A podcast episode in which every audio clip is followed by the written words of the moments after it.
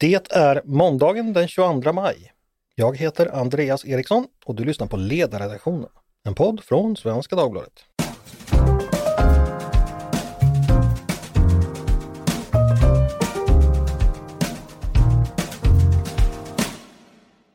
Varmt välkomna till oss igen och till ännu en vecka med podden. Jag hoppas ni haft en skön långledighet så här över Kristi himmelfärds. Det har gått ett år och tre månader sedan Rysslands fullskaliga invasion av Ukraina. Under den här tiden som gått har vi så gott som dagligen nåtts om uppgifter om hur det ukrainska folket utsatts för terror och övergrepp. Krigets syfte är från rysk sida uttalat att utplåna Ukraina som nation och ukrainarna som folk. Det ukrainska folket och dess försvarsmakt har gjort heroiskt motstånd och med tiden blivit allt mer segerrika. Men kriget står fortfarande och väger. Idag ska vi prata om just detta krig som vi gjort så många gånger förr i podden och då utifrån en av dess fronter och det är det som rör omvärlden och hur vi agerar i förhållande till kriget. Omvärldens stöd har varit och är fortsatt viktigt för Ukrainas framtid, för dess överlevnad och seger. Idag är det måndag och det innebär sedan ganska många måndagar att en stor grupp människor kommer samlas för att just uttrycka sitt stöd för Ukraina. Bakom denna serie av manifestationer, Måndagsrörelsen kallas den, står bland många andra ska sägas, men som främste initiativtagare och eldsjäl Gunnar Hökmark. Tidigare det mesta inom Moderaterna, numera på tankesmedjan Fri Värld.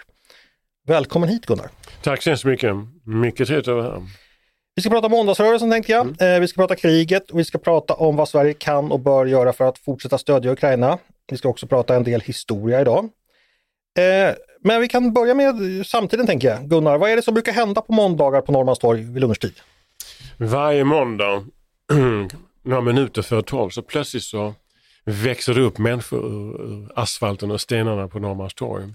Ett eh, tidigare, alltså tidigare under förmiddagen, kanske glest torg eller med ett antal människor som spacerar fram och tillbaka så plötsligt så blir det en folksamling genom att människor stannar upp och, och så plötsligt blir torget fyllt av människor som vill markera sitt stöd till Ukraina. Mm. Och vad är det som brukar ske mer, ni som organiserar, vad är det ni bjuder på, på, på för program så att säga? Ja egentligen bjuder vi på, ja vi bjuder bjuder, det vill säga det, måndagsrörelsen är en konstig rörelse i svenska termer för det, det är ingen juridisk organisation eller struktur utan vi bara är. Vi har sett till att människor kommer och det som är kanske det allra viktigaste det är för alla de som är där så är det ett sätt att på något rimlig fason kunna visa sitt stöd till Ukraina. Och det spelar roll därför att det inte bara är ett stöd genom luften utan det är ett stöd som också påverkar den politiska agendan. Men ju mer som samlas där, ju fler som kommer dit och talar och uttrycker sina tankar, ju mer skapar vi en agenda som handlar om Ukraina och om hur Sverige och om hur Europa bäst kan stödja Ukraina. Det handlar om att vi måste ge mer vapen. Det måste handla om att vi stöder Ukraina finansiellt och ekonomiskt. Jag, jag brukar säga en sak, jag vill gärna säga det nu här också. Vi talar då också ofta om att vi står bakom Ukraina. Och det är en sån där formulering som om du tänker efter lite grann. Om vi står bakom Ukraina, då innebär det faktiskt att Ukraina står framför oss. Och så är det. Ukraina står framför oss när det gäller försvaret av Europa mot ett Ryssland som är aggressivt och berett att döda, bomba, tortera och förtrycka för att nå sina mål. Kan du berätta lite mer om vad ni praktiskt har talat för? Du nämner vapen och stöd. Vad, vad, vad är det mer för typ av praktisk politik som fyller agendan? Jag tycker en, en väldigt praktisk sak det är ju, och det är kanske det som är det mest diffusa, men det är att se till att alla ukrainska företrädare och en lång rad andra företrädare från andra länder ser och känner att det finns ett starkt stöd i, i Sverige. Och, och det är inte bara varmluft utan det betyder någonting därför att det är min erfarenhet från den tidiga måndagsrörelsen när det gäller stödet till balterna. Att bara det faktum att de visste att vi såg, att vi talade om dem, att vi stödde dem, det gav dem syre. Det innebar att de var inte ensamma, de var inte bortglömda. Och, och det är faktiskt en av de viktigaste sakerna, se till att Ukrainas kamp inte glöms bort, att det inte blir en fråga bland väldigt många andra frågor som vi till slut betraktar som en normalitet. Det är en del, men det andra är klart att sätta en agenda så att det blir självklart att när ministrar eller andra politiska företrädare kommer till Norrmalmstorg och håller anföranden, det gör de från hela spektrat och från alla, alla nivåer och, och av alla slag så vet de att de behöver fundera på hur gör vi rent politiskt för att ge stödet ekonomiskt, finansiellt, militärt och, och när det gäller stöd för sjukvård och väldigt mycket annat. Eh, det skapar en agenda som, som styr politiken och det är fascinerande att se att det är så. Introducing Wondersuite from Bluehost.com. Website creation is hard, but now with Bluehost, you can answer a few simple questions about your business and get a unique WordPress website or store right away.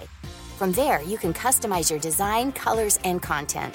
And Bluehost automatically helps you get found in search engines like Google and Bing. From step-by-step guidance to suggested plugins, Bluehost makes WordPress wonderful for everyone. Go to bluehost.com/wondersuite. Vad är det för typ av människor och grupper som brukar dyka upp? Går det att säga någonting om det? Nej, det är, det är äldre, det är yngre, det är, det är svårt att definiera faktiskt. Det som jag, jag tror man kan säga däremot att det är väldigt många människor som känner att det är en, i en hemsk tid och en hemsk värld så är det på något sätt en befrielse att få komma dit och, och säga att jag står bakom Ukraina. Vi gör det, vi är många. Nu spelar vi in det här på, på en, eh, före dagens måndagsmöte, men ni som lyssnar, då har det då redan passerat. Men det kommer ju fler måndagar. Det kommer en måndag varje vecka som Gunnar brukar säga. Gunnar, varför ska man gå på nästa måndagsmöte, tycker du? Därför att vi lever i ett fritt samhälle. Ett samhälle där det inte råder krig. Och det minsta vi kan göra det är att som medborgare, oavsett politisk bakgrund vi har, som medborgare markera att vi stöder medborgarna i ett annat land för deras frihet, deras fred. Det är, på något sätt det minsta vi kan göra. Det är en moralisk fråga. Jag brukar säga att på Norrmalmstorg är vi vare sig röda eller blå eller orange eller alla de politiska färger som finns utan vi är blå och gula, gula och blå. För Ukraina och Sverige och Europeiska unionen, det är blått och gult. Och det är det som förenar oss. Du och jag och, och väldigt många andra har, har en sak gemensamt och det märker vi kanske då att det är en väldigt viktigare gemenskap än de skillnader vi har i en massa politiska uppfattningar. En gemenskap i att vi faktiskt vill värna det fria samhället. Det är en, det är en väldig tillgång att ha den gemenskapen och jag tror att bara det i sig tror jag är befriande för många människor att kunna, kunna visa att där är vi. Mm. Vi ska prata mer om situationen i Ukraina och kriget men vi ska prata också lite om historien. Eh, för du har ju precis kommit ut med en bok som heter Måndagar för frihet, mm. utgiven av Fri Värld. Eh, den handlar om eh, dels om dagens rörelse och dagens situation men framförallt den tidigare era. Den är ju, första utgåvan kom ju då till, till 30-årsminnet av mm. Baltikums mm, frihet mm. 2021. Eh, för det var ju nämligen så att dagens måndagsmöten är inte de första, den första serien utan 79 måndagar mellan 1990 och 1991 så var du och andra som samlades på samma plats. Den mm. gången gällde det Baltikums frihet. Eh, om vi ska prata lite om den, hur började det den gången? Ja den gången handlade det om att jag på torsdagen satt på en middag med goda vänner så kom vi att tala om det konstiga att Sverige nästan aldrig hade stött demokratin i våra grannländer utan vi hade däremot ofta haft stöd till demokratiskt tvivelaktiga rörelser runt om i tredje världen. Mm. Och, och, och, och måndagen den veckan hade det sista Leipzig-mötet i, i, eh, i det gamla Östtyskland hållits. Och, och då var det någon som sa, borde vi inte ha måndagsmöten i Sverige? Och då tänkte jag att jo, vi borde ha måndagsmöten i Sverige. Till saken hör att jag hade sysslat väldigt mycket med, om jag uttrycker det, den baltiska frågan, de baltiska ländernas eh, kamp för självständighet redan innan. Så att eh, när jag gick hem den kvällen tänkte jag, mm, har vi talat om detta? Men det räcker inte bara att tala om det utan ja, nu ska vi göra det. Och så, och så gjorde vi det. Så att jag ringde runt och fick goda vänner som eh, Anders Kring, Peter Luxep och Håkan Holmberg. De sa ja absolut. Då kör vi och så körde vi. Och, eh, lite nervöst var det den första måndagen. Men som jag sa innan att plötsligt så upp ur asfalten växte en rätt stor folkhop Uh, inte så väldigt många den gången, kanske bara 300. Men sen nästa måndag och nästa måndag igen. Och, och så tvingades till slut den dåvarande socialdemokratiska regeringen att erkänna att detta var en fråga de måste förhålla sig till. Och de började backa från de här sakerna, att eh, det inte rådde någon frihetskamp i Baltikum, utan de sa till slut att vi, Sverige skulle vara en stödjande kraft till de baltiska frihetsrörelserna. Och det var en framgång som vi fick redan efter fyra veckor. Och sen fortsatte det. Och, och det har lett mig till att um, det är väldigt viktigt att, att, inte bara i politiken, men inte minst i politiken, att inte bara tala utan göra, agera. Mm. Eh, det är en sak jag tänker på. Jag gick ju på eh, lågstadiet eller mellanstadiet på den här tiden. Eh, då fick man lära sig att på andra sidan Östersjön låg Sovjetunionen, mm. fanns det på kartorna. Eh, var det politiskt kontroversiellt inrikes i Sverige att tala överhuvudtaget om, om ett ockuperat Baltikum, ett Baltikum som, som eh, under ett sovjetiskt ok som, som kämpade för sin frihet? Mm, ja, det var väldigt kontroversiellt. Det var mm. Mer kontroversiellt än det var för några år sedan att tala om NATO. Mm.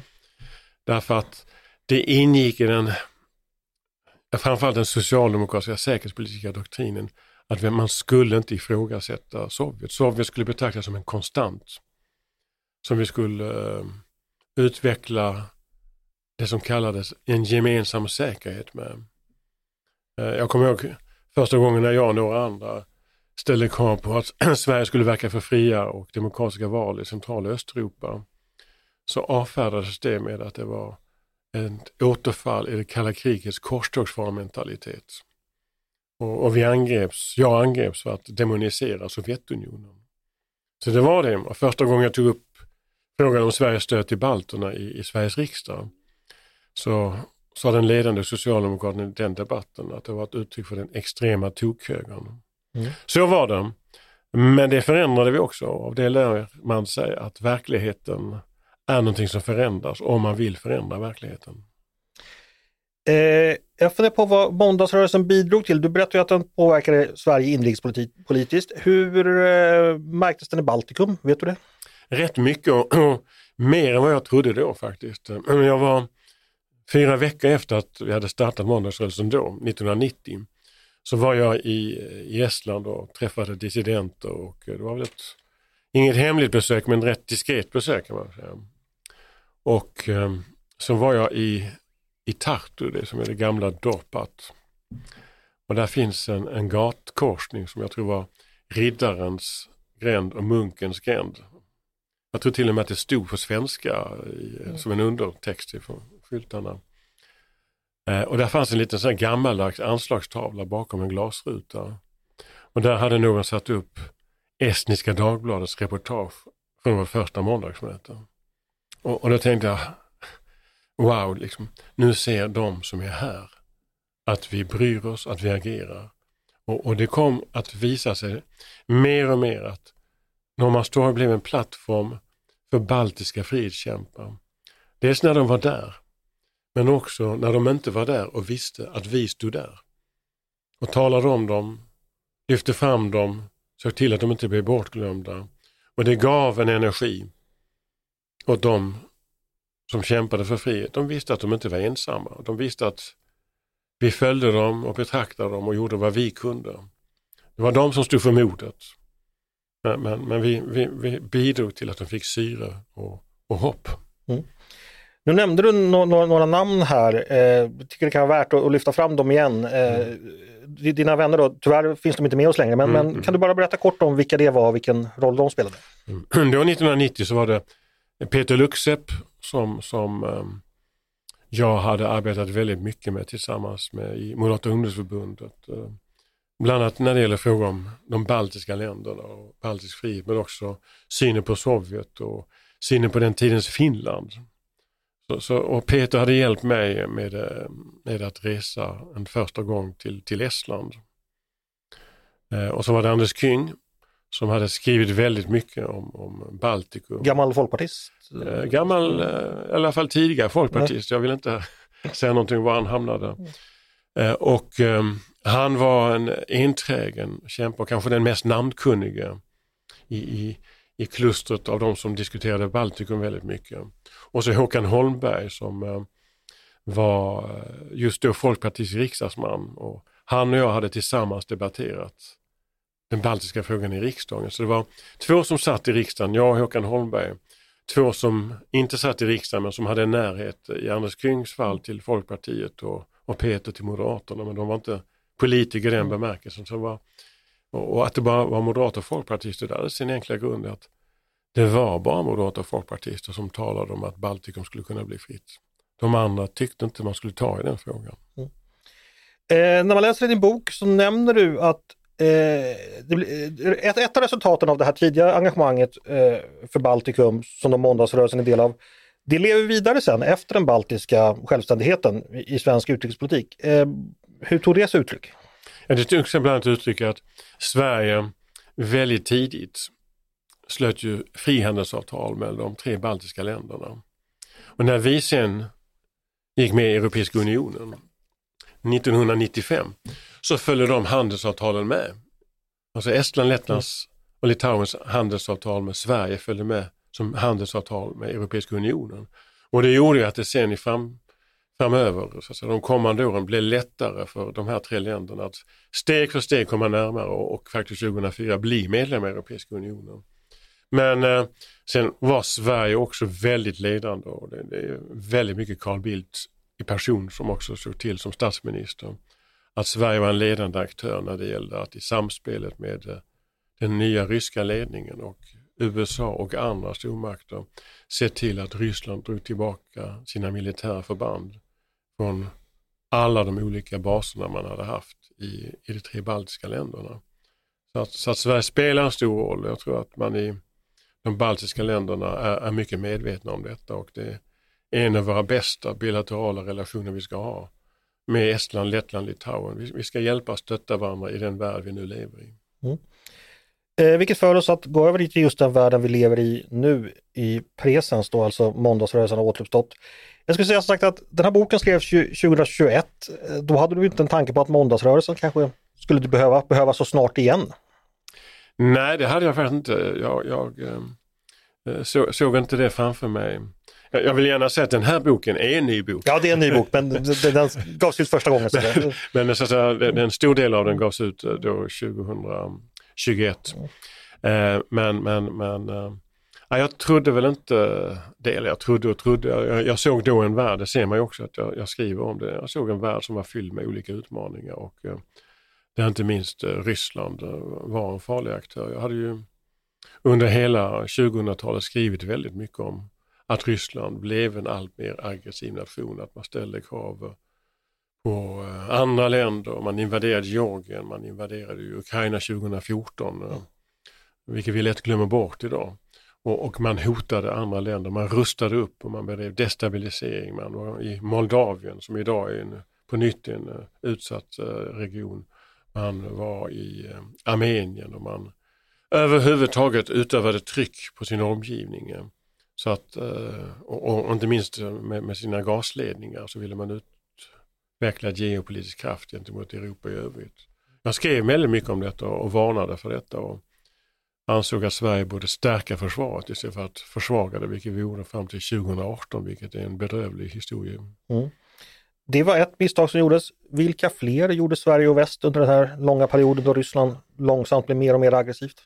Man satt fast i den gamla bilden av Ryssland som formades direkt efter eh, frigörelsen av Ryssland ut ur Sovjetunionen. Man, man eh, fastnade i förhoppningarna. Och förhoppningarna fanns det skäl att hålla uppe under mycket lång tid. Men de måste också förenas med eh, säkerhet och analys. Vi lät förhoppningarna ta över verklighetsbilden. Och ehm, eh, ett stort misstag var ju när vi började på 2000-talet, 2003, så skrev den militära underrättelsetjänsten ut ur luften. Jag har aldrig begripit hur de kunde hamna i detta. Att man för överskådlig framtid kunde utesluta riskerna för väpnat angrepp mot Sverige. Jag, jag satt i försvarsberedningen då och jag var den enda som reserverade mig mot detta. Eh, alla andra ville låta hoppet ta överhanden och eh, jag tycker man ska forma politik både efter hopp men också efter säkerhet. Mm. Om du tittar på perioden då från, ja, men säg från Georgien och fram till den fullskaliga invasionen 2022. Är det några andra tillfällen där du tycker där begicks det ödesdigra misstag, där borde väst ha valt fel väg? Både från Stockholms perspektiv eller från Washingtons perspektiv? Det är väl en gradvis förändring och det är väldigt, må- väldigt många olika steg. Alltså dels hade det varit bra om man 2004 hade öppnat upp för um, Georgien och Ukraina att bli medlemmar i NATO. Mm. Det hade haft en säkerhetspolitisk impact. Det hade varit bra om EU hade varit mycket mer öppet för Ukraina under den orangea revolutionen som också var 2004. Det hade varit bra om vi hade lyssnat till, läst och förstått vad Putin sa på den europeiska säkerhetskonferensen 2007 I München. i München, där han sa väldigt mycket av detta som skulle bli. Eh, och det hade varit bra om vi hade varit eh, skeptiska och försökt på olika sätt se till att Nord Stream 1 och 2 inte hade blivit av. Framförallt Nord Stream 2 som är det stora misstaget och den har heller aldrig använts men den byggde upp ett kommande beroende som var väldigt farligt. Det hade varit bra om vi hade insett att Putin var en annan person än, än Jeltsin på, på djupet. Eh, Putin började direkt utkämpa Sovjetunionens strid på nytt. Och, och, det var rätt tydligt, tittar man idag på vad han har gjort så från 2000 och um, andra tjetjenska kriget och uh, upprustningen och retoriken, talet om Ryssland så har det varit rätt tydliga tecken. Men, men uh, allt för länge ville man se Ryssland som en partner medan Ryssland utvecklar diktaturens logik mot oss också. Vad tänkte, kände och gjorde du den 24 februari förra året när kriget, när det, eh, den nya krig, den fullskaliga invasionen var ett faktum? En, en kombination av, eh, ja nu blev det så, men också en förvåning, alltså både och. Jag hade ju sett detta komma, jag skrev om det i Svenska Dagbladet några veckor innan att uh, detta var på väg. Då hade man så att säga satt tre stycken ryska divisioner i, i Belarus och skärpt förtrycket där och man hade i praktiken gjort en ansluss av Belarus. Och man hade för tredje gången byggt upp en väldigt stor truppsamling utanför Ukraina. Jag hade varit i Vilnius några veckor innan och, och där tvivlade man inte på vad som var på väg utan man var mycket realistiska och självfallet rätt dystra om, om framtidsperspektiven.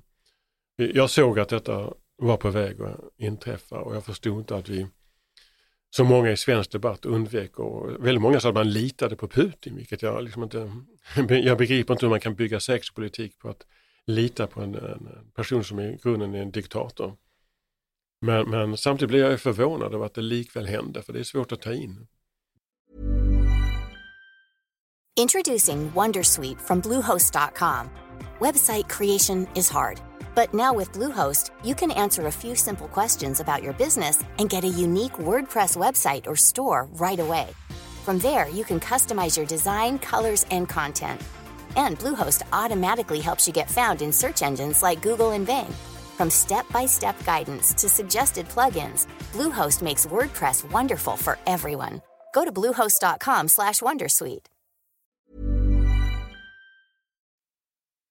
Du skriver i boken eh, och påminner om hur det verkligen stod och väg, eller Ukrainas existens stod och vägde under de första dagarna. Mm. Eh, ryska luftansättningar mot Kiev slogs tillbaka. Mm. Eh, det var då elittrupper som, som eh, ja, Ukrainarna sled heroiskt och lyckades mm. skjuta ner några. Det, det intressanta är att från början var det vad vi kallar ett stort hemvärnsförband mm. som lyckades hålla till stånd, stånd tills ett stående elitförband han komma. Mm. Eh, så, så det var bokstavligen modet hos enskilda människor som, som, som tippade över historiens utveckling. Mm. Precis, för då var ju plan eh, beredda och ett sköts ner, ett antal helikoptrar mm. sköts ner så att de här trupperna som skulle in helt enkelt och likvidera den mm. ukrainska statsledningen kom inte fram tack och lov och då, därmed gavs några dagars respit och mm. så. Mm. Eh, samtidigt så eh, alltså blev det måndagsrörelse igen. Eh, ja, hur, hur, hur gick det till den här gången? Ja, ungefär lika slumpartat som förra gången därför att um, vi hade ett, ett um, Moderaterna arrangerade ett möte på Norrmalmstorg på fredagen och, och, hade bett mig just på grund av gamla måndagstraditionen mm. att, att, att leda det och sen så blev det till slut av efter olika eh, organisatoriska förvecklingar. Jag har lärt mig en sak, man ska inte låta organisatoriska förvecklingar stå i vägen utan man ska agera, agera, agera. Det blev av och då så hörde Folkpartiet av sig, till, eller Liberalerna, förlåt mig, och Nyamko Sabuni hörde av sig för de hade då en torgmötestid tillgänglig på måndagen efter. Och de frågade om, om, eh, om jag skulle vilja se till att starta en ny måndagsrörelse. Och, och först tänkte jag liksom att eh, man, man liksom kan inte göra om saker och ting sådär. Och, um, varje tid har liksom sina utmaningar och, um, och jag hade en agenda som var rätt fylld med, med, med resor just då. Men så hörde fler av sig och eh, jag fick sms på lördagskvällen från några ledande skribenter som sa att eh, du måste göra det här. Och då så ändrade jag om planerna så att jag, jag eh, flög upp på måndag morgon och och på lördagskvällen så ringde jag lite medarbetare i, i Moderaterna för att de skulle samverka med Folket i Liberalerna så vi skulle ha inte bara torgmötestillstånd utan högtalare mm. och lite folk som kom. Va? Och, och sen så eh, talade jag med Tove Livendal, på, chefredaktör. Mm. Bekant för poddens lyssnare. Mycket, mycket bekant för denna poddens lyssnare att, att mm. eh, nu var vi på gång. Och så hon lovade att skriva en, en, en ledare på, på måndagen. Och eh, jag talade med eh, Dagens Industri, PM Nilsson, som eh, också lovade att upplåta debattutrymme på måndagen. Allt detta hände på lördagskvällen, eller lördag eftermiddag, lördag kväll. Så det var liksom en snabb, det liksom, ja vi sköt från höfterna. Mm. Men, men, vi träffade. Det har varit ett dramatiskt år i sven, eller dramatisk tid i svensk inrikespolitik ja, Magdalena Andersson, eh, det var ju först oklart om det ens skulle kallas invasion och sen så var det ett tag diskussion i vilken grad Sverige skulle hjälpa till. Därefter har Sverige sänt vapen och stöd mm, till mm. Ukraina. Vi har också eh, ansökt om medlemskap i NATO. Eh, det har hänt väldigt mycket som från vårt perspektiv är positivt. Mm. Är du förvånad över att det ändå gick så snabbt som du gjorde, den här, så att säga, att vi landade där? Jag tror att när en illusion faller så går det alltid väldigt snabbt. Mm. Det som jag mer förargar mig på det är att, att det så lång tid kunde härska en säkerhetspolitisk doktrin som byggde på att vi var säkrare utan gemensam säkerhet. Att eh, det av ideologiska skäl satte fast en, en alliansfrihetsdoktrin som var så stark så att den äntligen hotade Sverige. Och det var ju det som de som satt i regeringen nu insåg kvart över tolv. Mm att det höll inte. Det var en illusion. Och, och, och det gör mig egentligen lite förbittrad att under så lång tid kunde detta vara så oifrågasatt och dessutom så kontroversiellt och kräva att vi skulle gå med i NATO. Men, men sen kan man ju bara välkomna att, att vi lyckades ju få med alla dem som tidigare varit emot.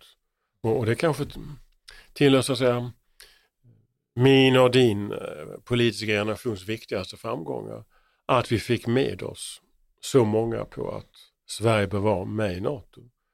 De som in i det sista bekämpade NATO-frågan blev till slut också anhängare av NATO-medlemskap. Det, det, är en väldig framgång för oss och för Sverige. Mm. Jo, eh, det håller jag med om. Det tycker jag faktiskt är en framgång som ja, det, det, det pratas sällan om hur stor och ändå oväntad den var. Mm. En fråga, eh, på europeisk, eller västvärlden har ju slut, eller tycker jag i alla fall, slutat upp på ett sätt som eh, på många sätt ändå överraskat mig. Eh, man, man, man, står bakom Ukraina, det kommer mycket stöd eh, och är du förvånad över den utvecklingen, att det trots allt fanns så mycket kraft i väst att kunna ta sig samman? Mm, ja, det, det, jag, jag, jag, du kanske inte tycker man har det i tillräcklig grad? Men... Nej, ja, både och. Jag, jag tycker nog att, att, det liksom har, det har definierat Europeiska unionen inför en ny uppgift och skapat en, mobiliserat en väldig kraft. Och, och snabbheten och omfattningen i den kraften har, jag ska inte säga förvånat, men det har slagit mig med glädje. Och, och lite förvåning finns nog i det också. För det kunde varit så att man gjort som 2008 eller 2014, men det blev en annan reaktion och en mycket mer omfattande och gemensam reaktion. Och det har också definierat den fria världen. Vi har sett hur den fria världen har blivit en gemenskap mycket tydligare än det var innan. Mm. Eh, då ett antal fria nationer med en gemensam momentum, och en gemensam kraft att stödja Ukraina. Jag tror att detta är någonting som vi kommer att se fortsatt utvecklas av det skälet att det behövs mer stöd. Eh, och det är också tydligt att när, när Ukraina vänder sig till västvärlden så tittar folk inte bort. Utan när Ukraina vänder sig till den fria världen så lyssnar människor och man vill hjälpa. Eh, och det tror jag är en definierande sak för den, den tid vi lever i som har mycket större betydelse än bara just Ukraina. Det spelar roll för hur Kina ser på sin tillvaro. när det gäller eh, Taiwan till exempel. Men det spelar roll för en mängd andra saker när vi, när vi ser hur den fria världen genom att agera gemensamt kan uppnå så väldigt mycket. Så tror jag att det kommer inte bara begränsa sig till Ukraina-frågan utan till att upprätthålla frihetens ideal gentemot alla de som hotar oss runt omkring oss.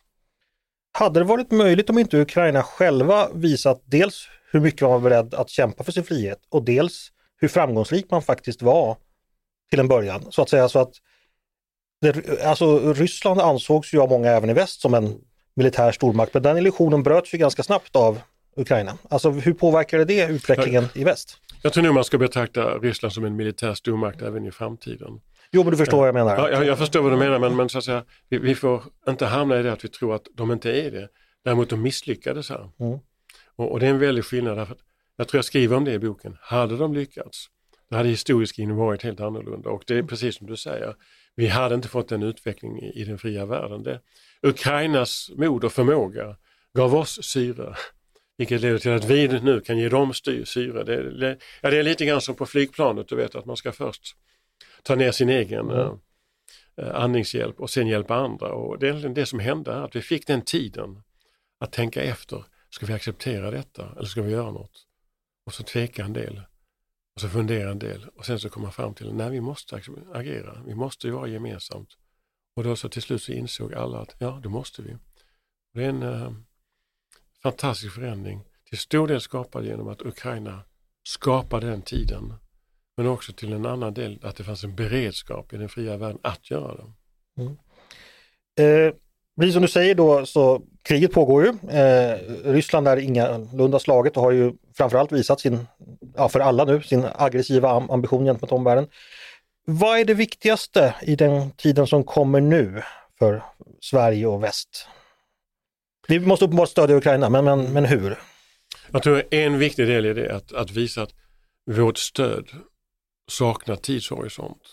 Det är inte så att vi stöder fram till, utan vi ger ett stöd som har väldigt lång sikt och där är frågan om EU-medlemskap en väldigt viktig markering. Genom att driva frågan om att Ukraina ska bli medlem i EU klargör vi att detta inte är en fråga om nu, utan en fråga om för lång tid framöver. Vi, vi står bakom Ukraina. Och, och där tror jag att EU-medlemskapet och processen, en så snabb funktionell integration som möjligt av Ukraina in i Europeiska unionens olika samarbetsstrukturer. Det är en väldigt viktig sak. Men sen också klargöra att vårt stöd avtar inte utan det växer i vilja och omfattning. Men man kan säga att vi borde ge allt stöd som vi kommer fram till att vi vill ge om tre månader borde vi kunna ge nu. Det skulle spela mycket större roll. Men, men så fungerar det inte riktigt uppenbarligen och av förklarliga skäl. Men då är det viktiga det att det är inte så att vi är på väg att krokna. Det är inte så att man i Kreml ska kunna hoppas att om någon månad så bryr man sig inte om det. Och för mig är det en av de viktigaste uppgifterna för måndagsmötena. Det är att visa att nej, vi står fast. Och ju längre kriget pågår, ju vidare aggressionen är, ju fler blir vi och ju mer bestämda blir vi. Det är tvärtom. Ryssland möter större och större och större motstånd och det kommer till slut leda till resultat, inte bara i Ukraina utan också i Kreml. Mm. Nu har ju då, eh, som vi verkar vara överens om, eh, det här kriget revitaliserat den fria världen och demokratin. Men, men innan 2022, innan krigsutbrottet, så hade ju demokratin varit på tillbakagång i delar av världen. Mm. Eh, på ett sätt som, tittar vi historiskt så var vi länge vana, flera decennier, att demokratin gick framåt. Men någonting har hänt under 2000-talet Fler och fler länder har vänt i auktoritär riktning. Strongmans har ja, tagit sig till makten och hållit sig kvar, i, ja, inte bara i Ryssland och Kina utan även i andra länder. Mm. Eh, den utvecklingen, hur ser du på den och hur, hur bryts den? Det är förstås en jättestor fråga. Men... Ja, det, det, det är en mycket stor fråga. Men, men, men, man kan väl så att säga, mycket enkelt är att demokratin är alltid lite svagare på kort sikt. Men alltid mycket starkare på lång sikt. Det vill säga, en strongman, som du säger, en diktator, han eller hon kan fatta beslut nu. Pang! Och, och det imponerar ibland på väldigt många i, i demokratins samhällen. Men de besluten blir ju inte korrigerade. De blir inte utsatta för kritik, de blir inte utsatta för eftertanke. Är de fel så blir de fel och är de möjligtvis rätt från början så blir de ändå till slut fel därför att allting förändrar sig. Diktaturer fattar väldigt dåliga beslut. Det, det är det som är, det kan möjligtvis vara rätt från början utifrån deras perspektiv. Men det blir inte bra. Det är därför ekonomin går ju ut för till slut i alla diktaturer av olika slag. Därför att de förmår inte mobilisera det. Jag tror att man i demokratiska länder ofta liksom känner sig lite, det finns många som hyser liksom en, en respekt för den här starke mannen. Jag kommer ihåg hur, hur man under covid-pandemins utbrott fanns hyllande reportage om hur man i Kina agerade med fast hand för att hantera pandemin och man byggde sjukhus på 14 dagar. Mm. Vilket är helt befängt eftersom det tar längre tid för murbruket att torka. Mm. Men det var liksom admirationen, om jag ska uttrycka det lite högtravande, som tog överhand. Och så såg vi att få länder har varit så långt drabbade av pandemin som Kina. Och vi såg hur ett land som Sverige som haft en mycket mer frihetlig inställning till det och, och debatt om vad som är rätt och fel har klarat det bättre. Och jag tror att det är viktigt för demokratins medborgare att tänka efter, luta sig tillbaka och, och, och det jag nu säger låter kanske lite, lite larvigt eller lättfärdigt men inse att demokratin skänker mycket mer glädje, utrymme, mångfald. Vi får leva som vi vill, vi får göra lite dumheter här och där. Vi bestämmer lagarna gemensamt. Vi, vi löser inte konflikter genom att skjuta varandra. Utan vi, vi, vi tillåter, är någon eh, gay eller är någon eh, besatt av en tanke eller är någon heterosexuell eller är någon eh, LBTQ eller eh, vad som helst så, så bejakar vi det. Och vi bejakar dig och mig. Vi bejakar liksom den mångfald. Vi kan vara besatta av någonting, älska att göra någonting, eh, vilja vrida och vända på frågor. Alltså demokratin är liksom en enorm glädjekälla som skapar en väldig styrka. Och jag tror att vi har glömt bort det. Väldigt många människor när man såg beslutsfattare som fattar uh, tunga beslut, pang, pang, pang. Så tyckte man oj, då kan de göra så. Men då glömmer de ju att de samhällena är svartvita. Medan vi har färg. Mm. Och, och den, den glädjen och stoltheten, den vinner ju alltid. Det finns ju väldigt få människor som flyr till Kina. Väldigt få människor som flyr till Ryssland. Men det finns väldigt många människor som flyr, flyr till frihetens samhällen och det är på något sätt den bästa indikatorn på vilka samhällen som är bra. Stort tack för det eh, Gunnar Hökmark eh, som är min gäst idag. Tänkte bara vi ska avsluta med din bok Måndagar för frihet. Mm. Om man vill få tag i den, hur gör man det? Man kan gå till eh, NKs bokhandel. Man kan beställa den på Frivärds hemsida. Och den kommer nog finnas på lite fler bokhandlar runt om i landet. Så att, eh, det är bara att köpa, beställa och eh, det överskott som Frivärd får in kommer vi använda till att eh, fortsätta bedriva en utredningsverksamhet om hur man bäst kanaliserar stöd till Ukraina efter kriget. Och sen ska man gå på nästa måndagsmöte också? Man ska definitivt gå på nästa måndagsmöte och nästa igen. Och nästa igen. Varje vecka har en måndag, jag får citera det där igen. Mm. Eh, stort tack Gunnar Hökmark för att du gästade podden idag. Tack så hemskt mycket, vad trevligt att vara här. Tack också till er som har lyssnat på dagens avsnitt av Ledarredaktionen, en podd från Svenska Dagbladet. Ni är varmt välkomna att höra av er till redaktionen med tankar och synpunkter på det vi precis har diskuterat eller om det är så att ni har idéer och förslag på vad vi borde ta upp i framtiden. Det är bara att mejla till ledarsidan snabel svd.se. Dagens producent, han heter Jesper Sandström, jag heter Andreas Eriksson och jag hoppas att vi hörs snart igen.